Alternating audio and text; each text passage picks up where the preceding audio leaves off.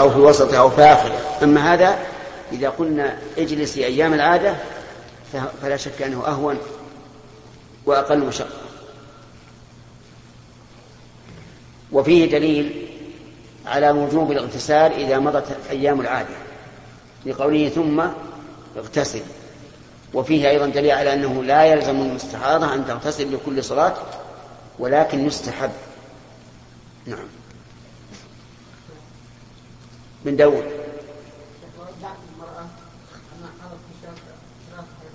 نعم. نعم. مع ان زوجها يعلم انها يعني يعلم أن عادتها خلاف أن عادتها خلاف ذلك. نعم. هذا ينبني على أنه إذا تقدمت أو تأخرت أو زادت أو نقصت فلا بد من تكرارها ثلاث مرات. وأما على القول بأنه لا, لا يشترط التكرار فإذا أتت بشهود ببينة ممن يعرف ممن يرضى دينه ويعرف بطانة أمرها فإنه يقبل. نعم. إيش؟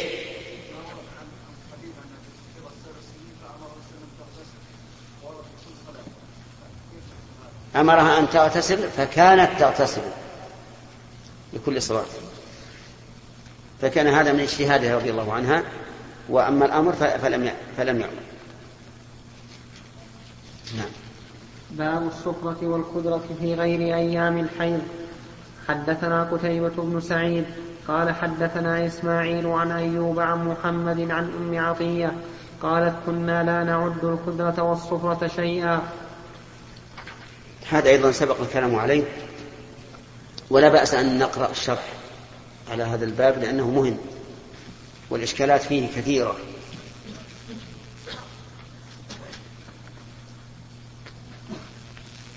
قال ابن حجر رحمه الله تعالى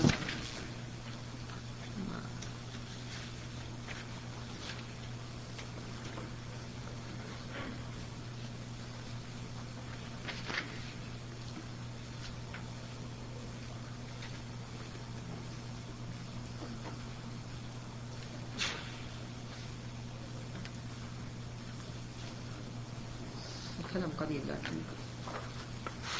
نقرأ إيه.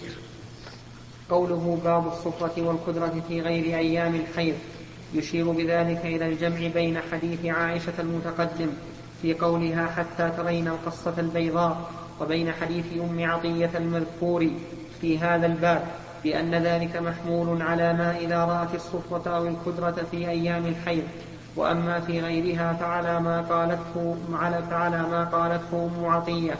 قوله أيوب عن محمد هو ابن سيرين. وكذا رواه إسماعيل وهو ابن علية عن أيوب ورواه وهيب بن خالد عن أيوب عن حفصة بنت سيرين عن أم عطية أخرجه ابن ماجه.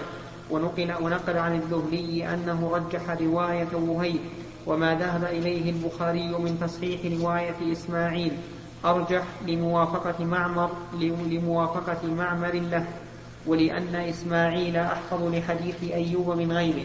ويمكن أن أيوب سمعه منهما.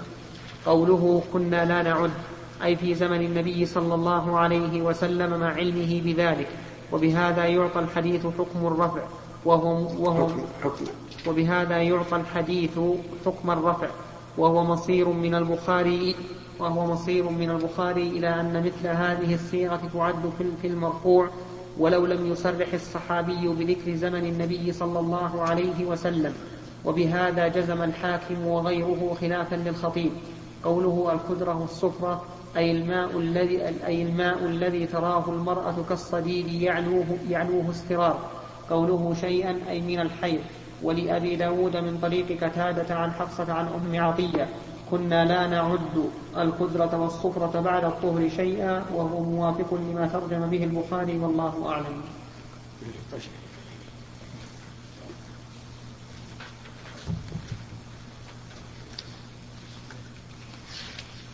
نعم سليم.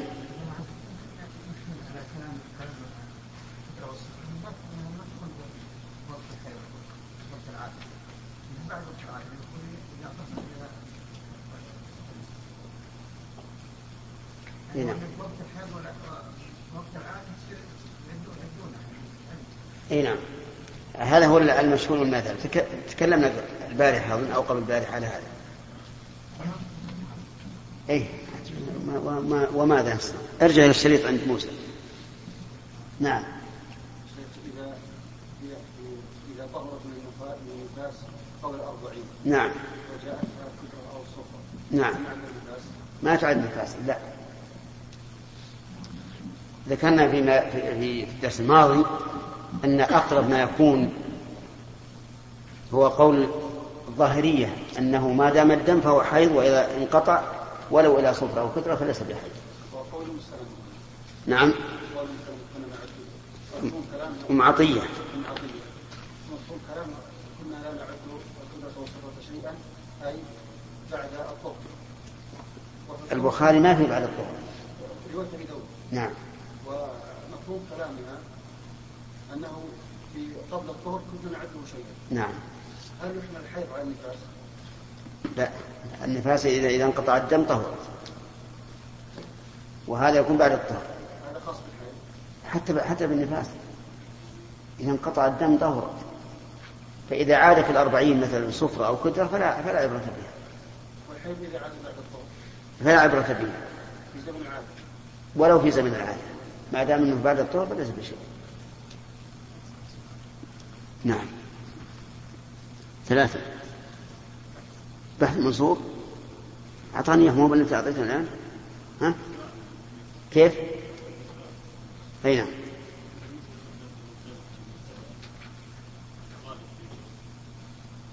إيش؟ ذكرنا أنها تجلس خمسة عشر يوما ثم تغتسل وتصلي. ثم إذا استمرت معها هذه الاستحاضة تعود إلى غالب عادة النساء.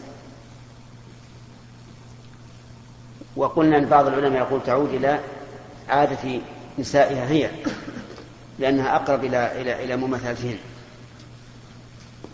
لكن العودة إلى غالب النساء هو الذي جاء جاء به الحديث. باب عرق الاستحاضة. حدثنا إبراهيم بن المنذر قال حدثنا معا قال حدثني ابن أبي ذئب عن ابن شهاب عن عروة وعن عمرة عن عائشة زوج النبي صلى الله عليه وسلم أن أم حبيبة استحيضت سبع سنين فسألت رسول الله صلى الله عليه وسلم عن ذلك فأمرها أن تغتسل فقال هذا عرق فكانت تغتسل فكانت تغتسل لكل صلاة. باب المرأة باب المرأة تحيض بعد الإفاضة. حدثنا عبد الله بن يوسف قال أخبرنا مالك عن عبد الله بن أبي بكر بن محمد بن عمرو بن حزم عن أبيه عن عمرة بنت عبد الرحمن عن عائشة زوج النبي صلى الله عليه وسلم أنها قالت لرسول الله صلى الله عليه وسلم يا رسول الله إن صفية بنت حيي قد حاضت. قال رسول الله صلى الله عليه وسلم لعلها تحبسنا ألم تكن طافت معكن؟ فقالوا بلى قال فاخرجي. حدثنا معل بن نعم. حدثنا معل بن أسد قال حدثنا وهيب عن عبد الله بن طاووس عن أبيه عن ابن عباس قال رخص للحائض أن تنفر إذا حاضت وكان ابن عمر يقول في أول أمره إنها لا تنفر. ثم سمعته يقول تنفر إن رسول الله صلى الله عليه وسلم رخص لهن. نعم هذا إذا حاضت المرأة بعد الإفاضة فلم يبقى عليها إلا طواف الوداع. فهل تبقى حتى تطهر فتطوف للوداع؟ الجواب لا بل تنفر. كما أذن النبي صلى الله عليه وعلى آله وسلم بذلك في قصة صفية. وقوله صلى الله عليه وسلم لعلها تحبسنا. يستفاد منه أن المرأة إذا حاضت قبل الطواف طواف الإفاضة فإنه يجب انتظارها حتى تطهر ثم تسافر. لأن النبي صلى الله عليه وسلم قال لعلها تحبسنا. وفي بعض الألفاظ أحابستنا هي. فإن قال قائل إذا كان أهلها لا يريدون البقاء أو لا يمكنهم البقاء حتى تطهر فهل لها أن تخرج فإذا طهرت رجعت؟ الجواب نعم لها ذلك. وإنما لم يفعل هذا رسول الله صلى الله عليه وعلى آله وسلم لوجود المشقة في ذلك الوقت.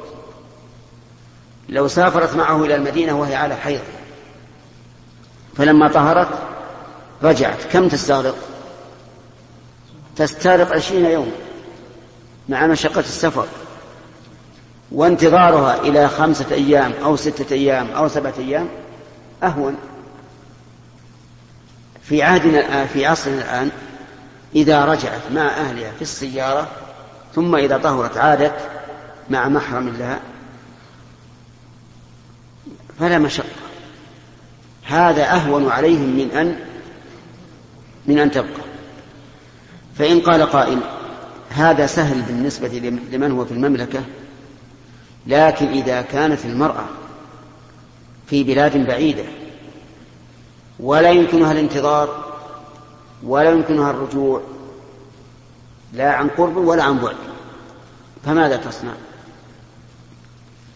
قالوا تختار أحد أمرين إما أن تبقى على إحرامها أبد الآبدين. فترجع إلى بلدها ولا تحل لزوجها إن كانت متزوجة ولا يحل أن تزوج إن كانت غير متزوجة لأنها لم تحل التحلل الثاني. وفي ذلك من المشقة عليها ما لا تأتي به الشريعة. أو يقال هي الآن كالمحصرة. والمحصر ماذا يصنع؟ يذبح هديا ثم يحل. ولكن في هذه الحال لا تكون أدت الحج لأنه بقي عليها من الحج. إيش؟ طواف الإفاضة وهو ركن. فترجع المسكينة بدون حج. وربما تكون هذه فريضتها. فترجع مع المشقة العظيمة والنفقات الكثيرة وهي لم تعد الفريضة. وهذا أيضا فيه صعوبة مشقة عظيمة. لكن شيخ الإسلام رحمه الله قال إن لها أن تطوف بالبيت بعد أن تتحفظ بحفاظة تمنع تلوث المسجد الحرام بدم الحي وتطوف وتخرج. ولا شك أن ما قاله رحمه الله أقرب إلى مصادر الشريعة ومواردها لأنها مبنية على اليسر والسهولة. فإن قال قائل وهل يتم هذا لمن كانت في المملكة؟ نعم لا. لأن رجوع من في المملكة ليس فيه مشقة وليس فيه صعوبة. لكن بعض طلبة العلم لما سمعوا ما ذكر عن شيخ الإسلام في المرأة التي لا يمكنها الرجوع صاروا يفتون كل امرأة تحيض قبل طواف الإفاضة أن تتحفظ وتخرج حتى لو كانت في جدة. وهذا وهذا بلاء هذا مشكل. يعني تجرؤ الناس الآن على الفتوى شيء عجيب والعياذ بالله. محزن. لأنهم يضلون ويضلون.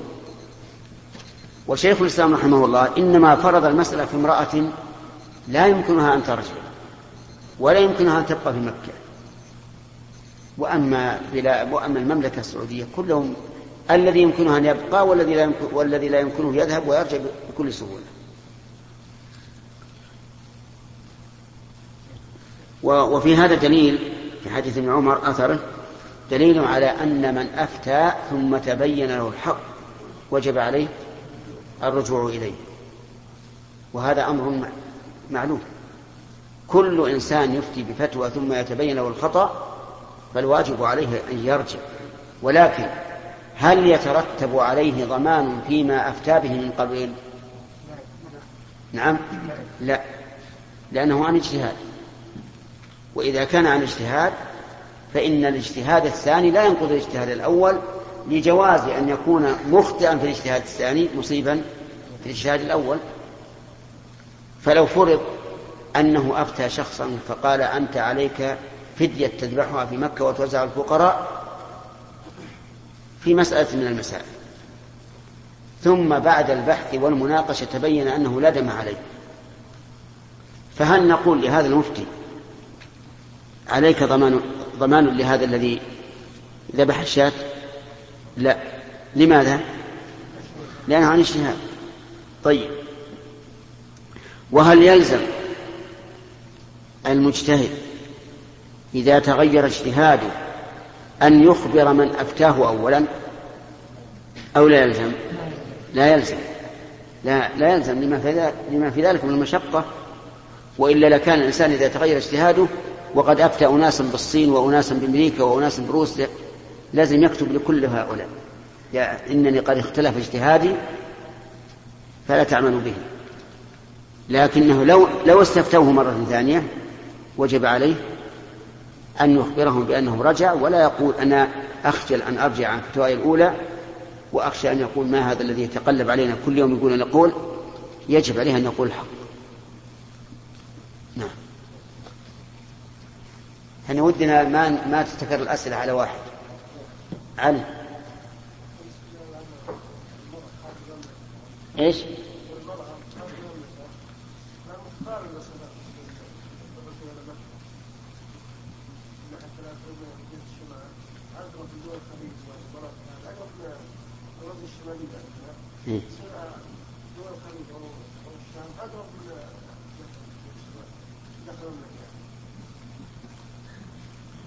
فهمتم سؤاله؟ يقول إن الدول إن بعض مناطق المملكة صعوبتها أكثر من الدول الخارجية؟ ما هو صحيح. الدول الخارجية ما تأذن ترجع تمنع من قبل الدولة لأن هؤلاء الذين أتوا الحجاج ما أتوا إلا بعد التي واللتين ما هي المسألة هينه وأيضا نفقات باهره أما نحن ما ما يحتاج أن نقول هات الجواز ولازم من وزارة الخارجية ولازم من كذا. مو لازم. حتى لو تباعدت المسافة. الآن يمكن أقصى المملكة من أقصاها إلى أقصاها في الطائرة يستوعب ساعتين. هنا. ترى الرسالة أولا ما نسمع. نعم.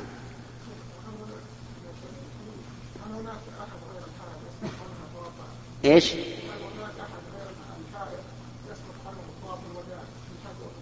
أي يسأل يقول هل يمكن أن يسقط طواف الوداع عن غير الحائض؟ الجواب لا إلا من كان مريضا لا يمكن أن يطوف بنفسه ولا محمولا فهذا ربما نقول إن التعذر الحسي كالتعذر الشرعي وإلا فإنه يطوف ولو محمولا. ولهذا لما قالت أم سلمة للرسول عليه الصلاة والسلام وهي تريد أن تطوف طواف الوداع قالت إنها مريضة قال طوفي من وراء الناس وأنت راكبة. ولم يأذن لها أن تترك الطواف. النفس كالحائط يسقط عنه الطواف.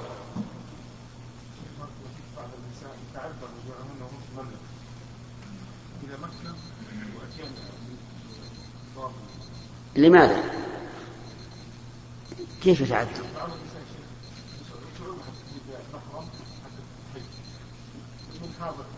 وين محرم هذا الحج؟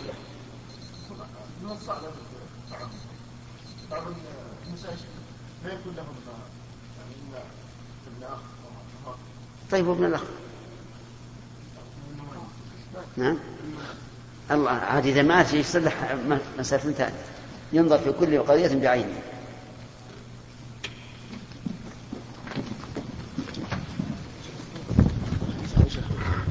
قضية بعينها ها؟ حديث عائشة يوم الخمرة نعم. فهمت من كلامكم يا شيخ؟ بعض العلماء استدل به على إنه يجوز الحج في المسجد. نعم. لو في مستدل به على العكس. يعني لا يكون أولى. لأن عائشة اعتقدت عن مناولة الغسول لانها حائض واقامها وصف عن هذا الاعتذار اي لكن هي هؤلاء يقولون ظنت أن الحائض ما تتحدث نعم وقصهم وفق على هذا الظن. ها؟ وقصهم وفق على هذا الظن. اليد فقط. لا ما ما هو. لأن هذا ما هو ضرورة. إذ يمكنه هو أن يقوم ويأتي. منه؟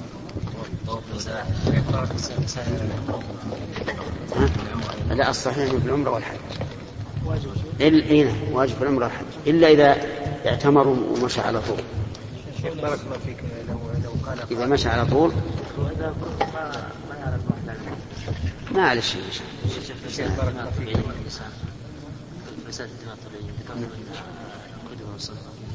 طالب الحين؟ أنا رجعت والله أي- أنا أتغير رأيي في هذا.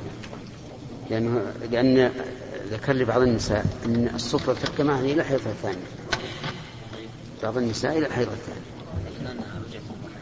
والله أنا عندي أن, أن قول ظهري هو أحسن الأقوال.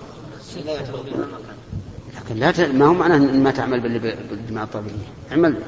نعم يا شيخ أنه لو الصفة والكتب بعد الحيض إيه. حتى في زمن العادة لا لا لا تكتب إيه بناء على القول اللي ذكرناه فيك. بسم الله الرحمن الرحيم الحمد لله رب العالمين وصلى الله وسلم على نبينا محمد وعلى آله وصحبه أجمعين قال الإمام البخاري رحمه الله تعالى كتاب الحيض باب إذا رأت المستحاضة الطهر. قال ابن عباس تغتسل وتصلي ولو ساعة ويأتيها زوجها إذا صلت. الصلاة أعظم. حدثنا أحمد بن يونس عن زهير قال حدثنا هشام عن عروة عن عائشة قالت قال النبي صلى الله عليه وسلم إذا أقبلت الحيضة فدعي الصلاة وإذا أدبرت فاغسلي عنك الدم وصلي.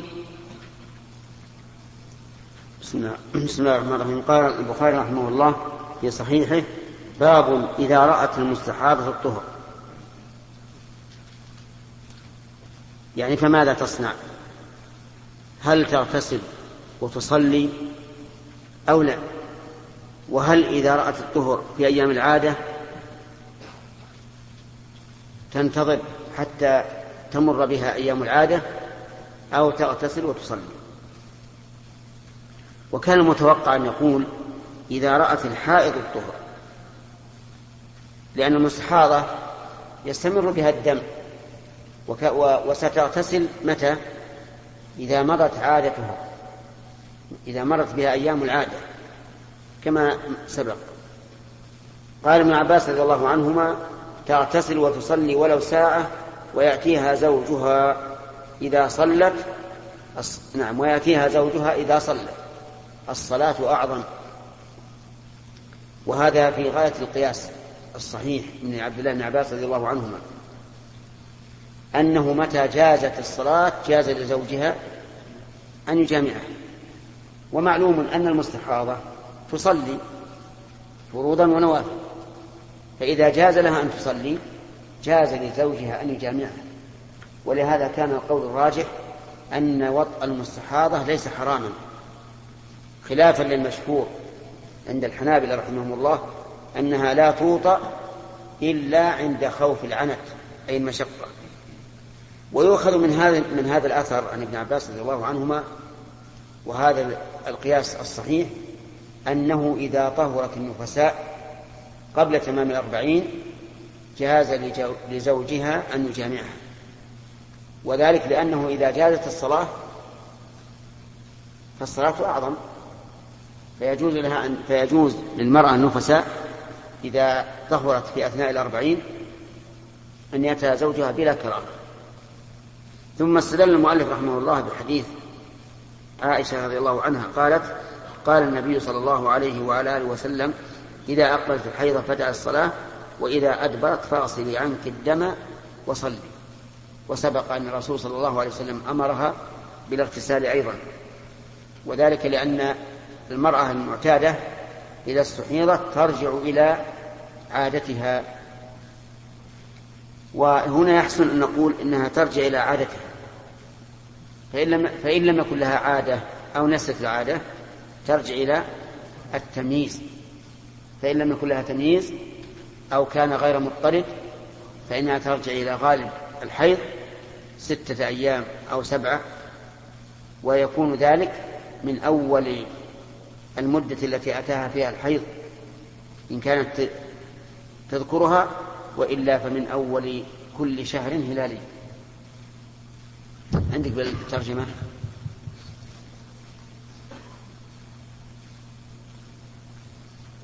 قوله باب إذا رأت المستحاضة الطهر أي تميز لها دم العرق من دم الحيض فسمى زمن الاستحاضة طهرا لأنه كذلك بالنسبة إلى زمن الحيض. ويحتمل أن يريد به انقطاع الدم والأول أوفق للسياق قوله قال ابن عباس تغتسل وتصلي ولو ساعة قال الداودي معناه إذا رأت الطهر ساعة ثم عاودها دم فإنها تغتسل وتصلي والتعليق المذكور وصله ابن أبي شيبة والدارمي من طريق أنس بن سيرين عن ابن عباس أنه سأله عن المستحاضة فقال أما ما رأت الدم البحر. أما ما رأت الدم البحراني فلا تصلي وإذا رأت الطهر ولو ساعة فلتغتسل وتصلي. وهذا موافق للاحتمال المذكور. أولا لأن الدم البحراني هو أولا. نعم. وهذا موافق للاحتمال المذكور أولا لأن الدم البحراني هو دم الحيض. قوله ويأتيها زوجها. هذا أثر آخر عن ابن عباس أيضا. وصله عبد الرزاق وغيره من طريق عكرمة عنه. قال المستحاضة لا بأس أن يأتيها زوجها. ولأب ولأبي داود من وجه آخر عن عكرمة قال كانت أم حبيبة تستحاض وكان زوجها يغشاها وهو حديث صحيح. إن كان عكرمة سمعه منها. قوله إذا صلت شرط محذوف الجزاء أو جزاؤه مقدم وقوله الصلاة أعظم أي من الجماع. والظاهر أن هذا بحث من البخاري. أراد به بيان الملازمة أي إذا جازت الصلاة فجواز الوطء أولى لأن أمر الصلاة أعظم من أمر الجماع. ولهذا عقبه بحديث عائشة المختصر من قصة فاطمة بنت أبي حبيش المصرح, المصرح بأمر المستحاضة بالصلاة. وقد تقدمت مباحثه في باب الاستحاضة. وزهير المذكور هنا هنا هو, هو ابن معاوية. وقد أخرجه أبو نعيم في المستخرج من طريقه تاما. وأشار البخاري بما ذكر إلى الرد على من على من منع وطأ المستحاضة. وقد نقله ابن المنذر عن إبراهيم عن إبراهيم النخعي والحكم والزهري وغيرهم وما استدل به على الجواز ظاهر فيه. وذكر بعض الشراح أن قوله الصلاة أعظم من بقية كلام ابن عباس وعزاه إلى تخريج ابن أبي شيبة وليس هو فيه. نعم روى عبد الرزاق والدارمي من طريق سالم أفطس أنه سأل سعيد بن جبير عن المستحاضة أتجامع؟ قال الصلاة أعظم من الجماع. وعلى كل حال إذا دار الأمر بين أن يكون بحثا من البخاري أو هو بقية الأثر عن ابن عباس فالأصل أنه أثر ابن عباس. وهذا ليس بغريب على فقه ابن عباس رضي الله عنه. إذا يكون معنى قوله إذا رأت المستحاضة الطهر يعني إذا تمت عادتها. إذا انقضت عادتها وإن كان الدم موجودا. نعم.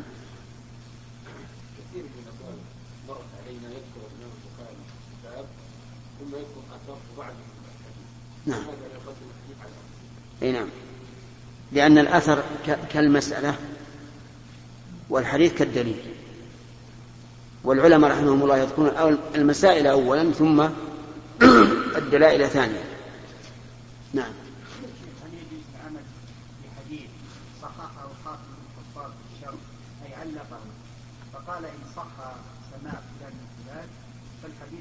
نعم. يعمل به لا. لا يعمل به إلا إذا إذا تم الشرط لكن كلمة يعمل به إن أردت أنه يحكم بصحته فلا. وإن أردت أنه يعمل به لشواهد أخرى تدل على ثبوته فنعم. لا. لا. لا لا يعمل. نعم. نعم.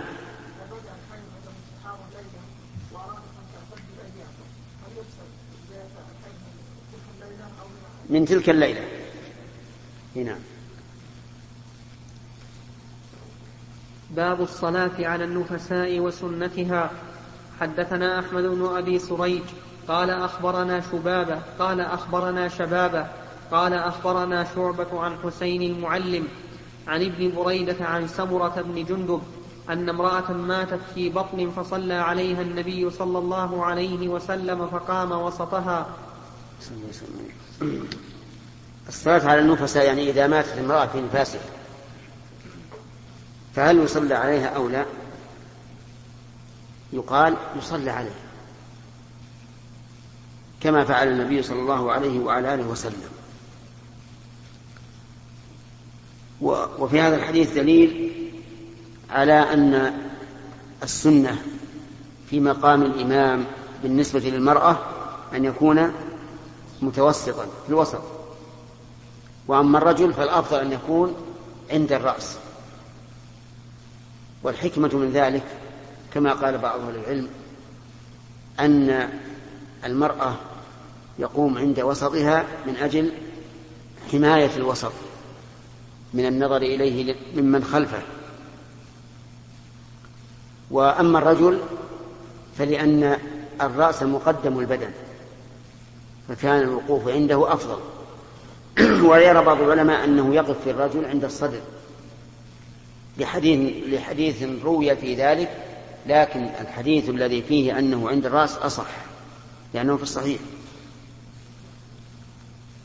طيب فإذا سألنا سائل هل يصلى على الحامل؟ المرأة إذا ماتت قبل أن تضع الجواب نعم يصلى عليها وهل ينوي الصلاة عليها وعلى من في بطنها؟ أو عليها ويدخل من في بطنها تبعا؟ أي طيب في التفصيل. إن كان قد نفخت فيه الروح فينوي الصلاة عليها وعلى من في بطنها. لأنه إنسان وإذا لم تنفخ فيه الروح فإنه ينوي الصلاة عليها وحدها. فإذا شك الإنسان الرجل تقدم المرأة حامل يصلي عليها فليعلق بالنية. إن كان الحمل يعني قد نفخ فيه الروح ينوي هذا بقلبه فالصلاة عليهما جميعا وإلا فعليها وحدها نعم.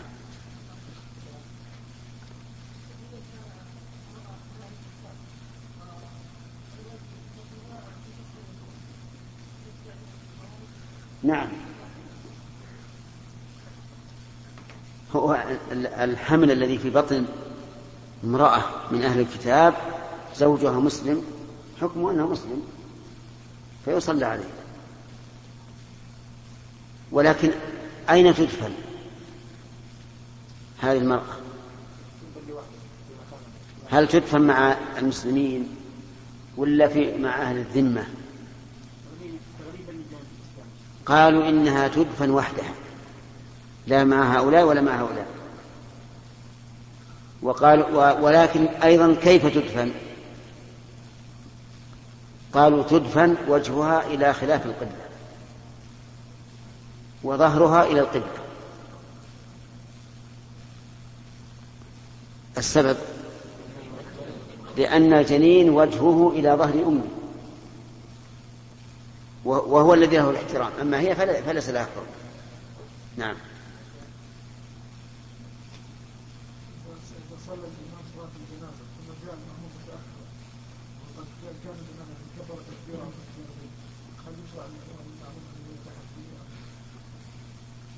إذا جاء المسبوق إذا جاء المسبوق في صلاة الجنازة فإنه يدخل مع الناس ليشاركهم في الأجر.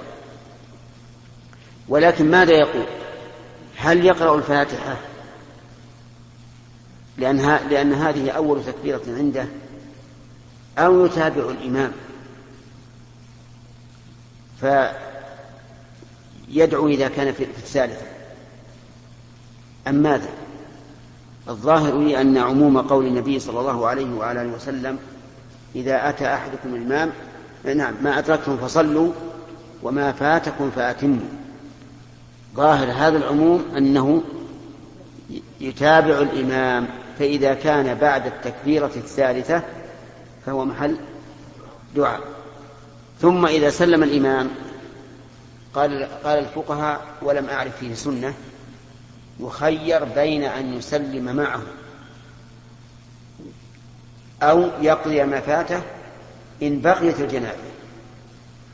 فإن خشي من رفعها تابع التكبير وسلم. طيب. ويحتمل أنه إذا كبر يقرأ الفاتحة.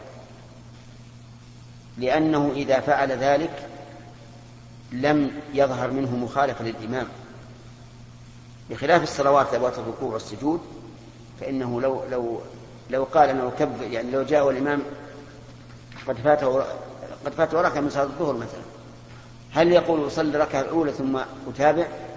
لا لأن هذا يظهر عليه مخالفة الإمام. وأما في صلاة الجنازة فلا. لكن الاحتمال الأول أقرب إلى ظاهر النصوص. يعني أنه نعم يتابع الإمام. نعم. إذا إذا لم يعلم وهذا أيضا يقع كثيرا. إذا لم يعلم فأهم شيء هو الدعاء للميت لأن صلاة الجنازة إنما شرعت للدعاء للميت والشفاعة له. كما قال النبي صلى الله عليه وعلى آله وسلم ما من رجل مسلم يموت فيقوم على جنازته أربعون رجل لا يشركون بالله شيئا لا يشركون بالله شيئا إلا شفعهم الله فيه. نعم.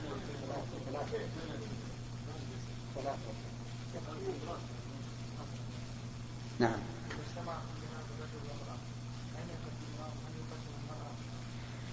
أي نعم إذا إذا اجتمع رجال ونساء وصغار وكبار فيقدم الرجل مما يليه والمرأة مما يلي القبلة.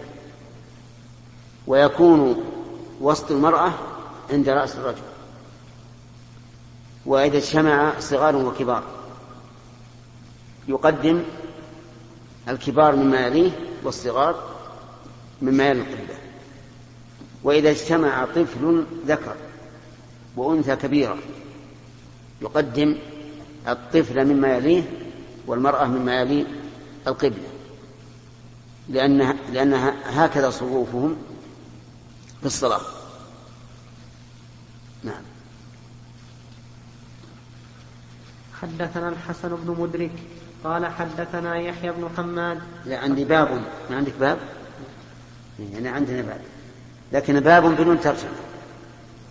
وقد ذكرنا في أن أن الباب بدون ترجمة بمنزلة الفصل.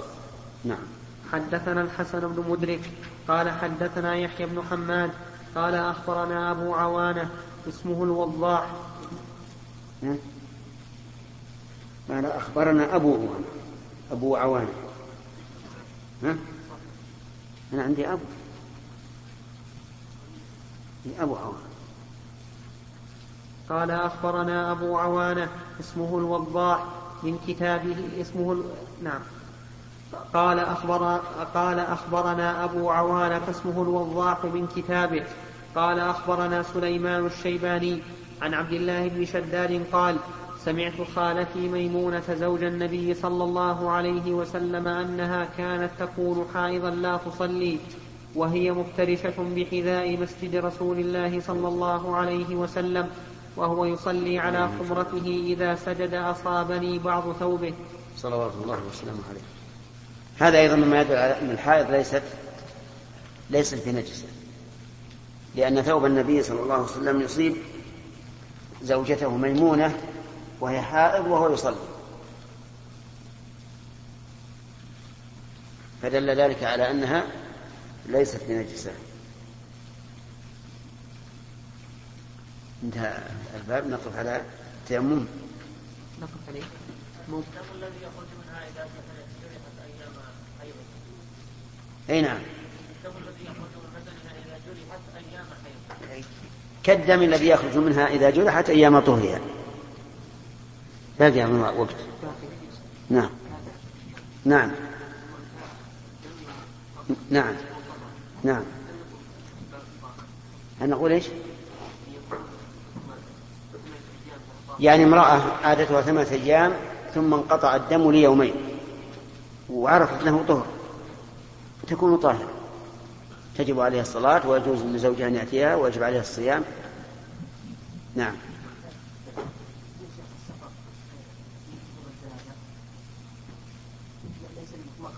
أي الظاهر لا بأس به. أنه لا بأس أن يسافر لا سيما إذا كان له صلة به قوية. إما قرابة أو صداقة أو ما أشبه ذلك. نعم. ها.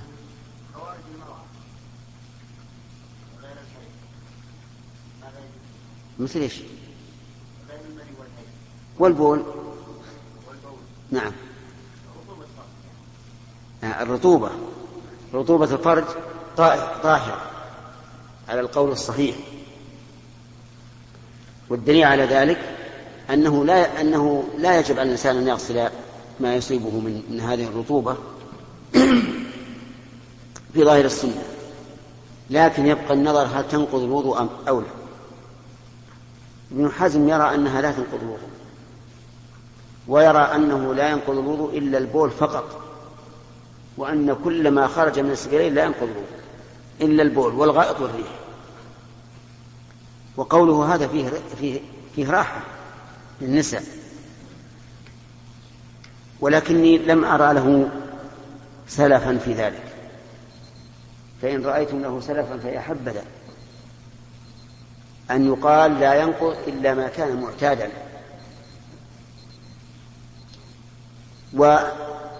والنساء نحن نفتيهن بأنه طاهر. يعني رطوبة فرج المرأة كما قال الفقهاء طاهر. ولكنه ينقض الوضوء. إلا أن بعضهن فقيهات. يقولن هذا موجود في عهد الرسول عليه الصلاة والسلام.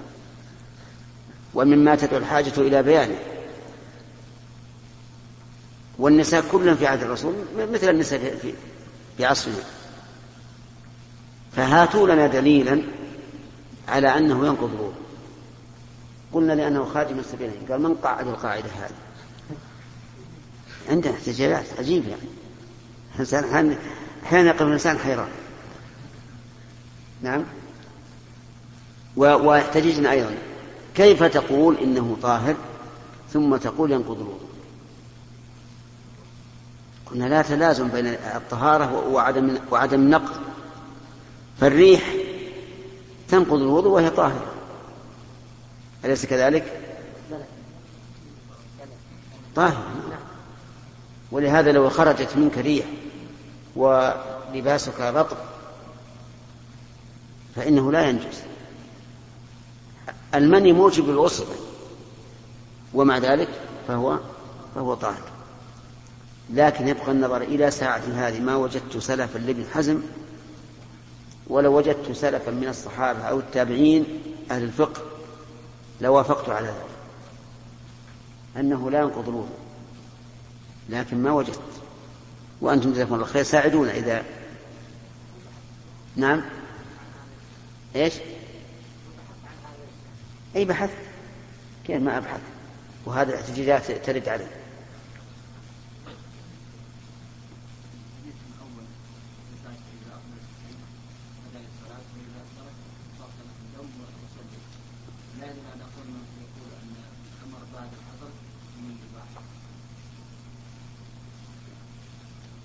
وين الأمر؟ نعم هذا وجوب هذا واجب الحيضة فدع الصلاة وجوبا. فاصل عن كدم وجوبا. نعم. أي الأمر هنا أعاد الأمر إلى أصل. أعاد الأمر إلى أصل. ولهذا فيه قول من الأقوال أن الأمر بعد الحظر ليس للإباحة ولكنه رفع للحظر الأمر الأمر بعد النهي رفع للحظر وإذا كان رفع الحظر فمعناه أن يعود الحكم أيها الإخوة إلى ما كان قبل. في ختام هذه المادة نسأل الله أن نلقاكم في لقاءات متجددة. على حسب مع تحيات مؤسسة الاستقامة الإسلامية نعم. للإنتاج والتوزيع في عنيزة بعد الحظر رفع